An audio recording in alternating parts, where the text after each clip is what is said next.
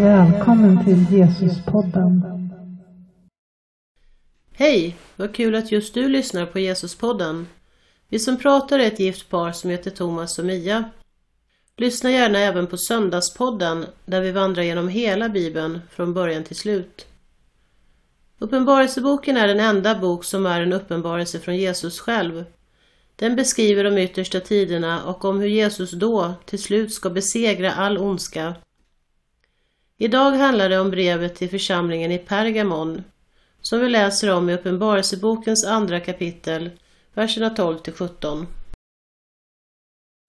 Dagens bibeltext innehåller Jesu brev till församlingen i Pergamon. Pergamon får beröm för att de varit trogna trots att de lever på en mycket fientlig plats.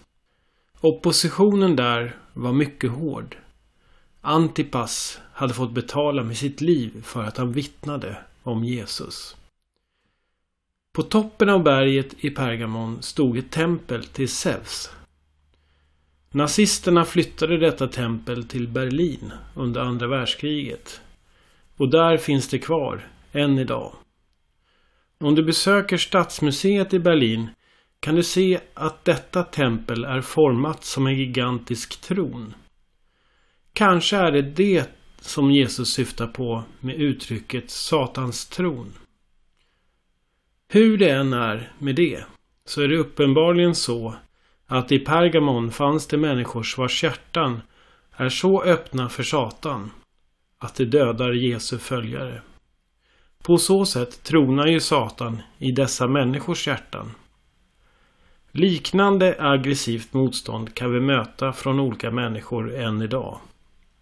Församlingen i Pergamon får beröm för att det trots det våldsamma motståndet så hade det förblivit trogna Jesus. Men ändå ser Jesus något som är mycket allvarligt och som man måste korrigera. Trycket utifrån hade inte kunnat stoppa församlingen. Men nu kommer attackerna inifrån istället. Och det är mycket farligare. Och församlingen i Pergamon hade underlåtit att sätta stopp för det. Det var ett tryck inifrån som försökte förändra undervisningen och evangeliet genom att leda människorna bort från Guds väg och på så sätt leda vilse. På samma sätt finns det idag också krafter som vill förändra församlingen för att få den att passa bättre in i den rådande tidsandan. Märkligt nog är också idag sexualiteten under press från flera håll.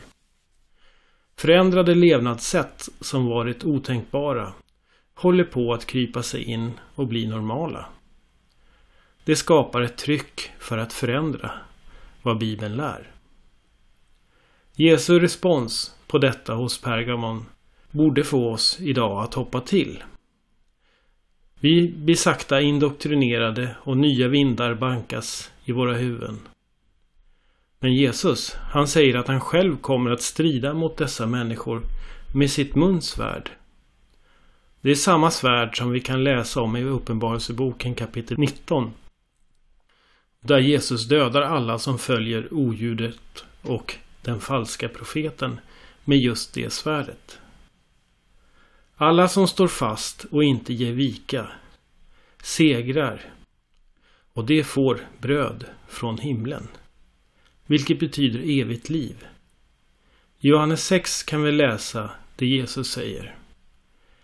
Men arbeta inte för den mat som förgås utan för den som kan ge evigt liv, den som Människosonen ger. Skriv detta brev till ledaren för församlingen i Pergamos. Detta budskap kommer från honom som har det skarpa och dubbeläggade svärdet. Jag vet mycket väl att du bor i den stad där Satan har sin tron. Trots detta har du förblivit trogen mot mig och vägrat att förneka mig. Till och med när Satans anhängare gjorde mitt trogna vittne Antipas till martyr mitt ibland er. Och ändå har jag något emot dig. Du accepterar att det finns några bland er som handlar likt Biliam. Biliam som undervisade Balak om hur man skulle få Israels folk på fall genom att leda dem in i sexuella synder och uppmuntra dem att äta kött som offrats åt avgudar.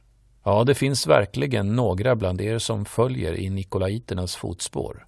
Vänd om, annars ska jag oväntat komma till dig och strida mot dem med min muns svärd. Om du kan höra, så lyssna till vad Anden säger till församlingarna. Alla som segrar över det onda ska få äta bröd från himlen, och jag ska ge var och en en vit sten, och på stenen ska jag gravera in ett nytt namn, som ingen annan känner än den som får det. Det var många saker som gjorde Pergamon till en svår stad att vara kristen i. Precis som i Smyrna var församlingen här förföljd för sin tro. Så allvarligt att en av dess medlemmar, Antipas, nyligen fått sätta livet till och bli martyr. Jesus introducerar sig här som den som har det skarpa och dubbelsidiga svärdet. Detta gör han för att påminna om den dom som väntar dem som kompromissar med Guds ord.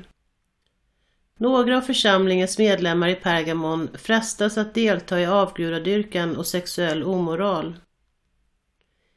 De två namnen som nämns som avskräckande exempel i brevet till Pergamon är Biliam och Nikoaliterna.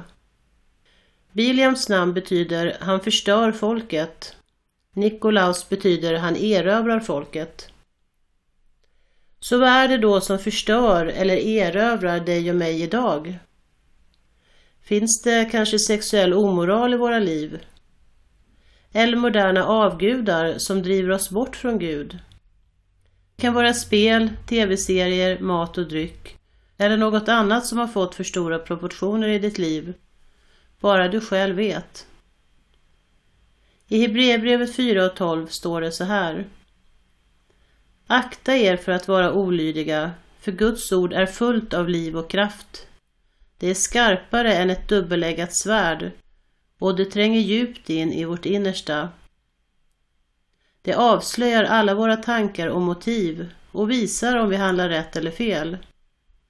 Ingen kan dölja något för Gud. Han vet allt om alla. Och inför honom måste vi en gång stå till svars för det vi har gjort.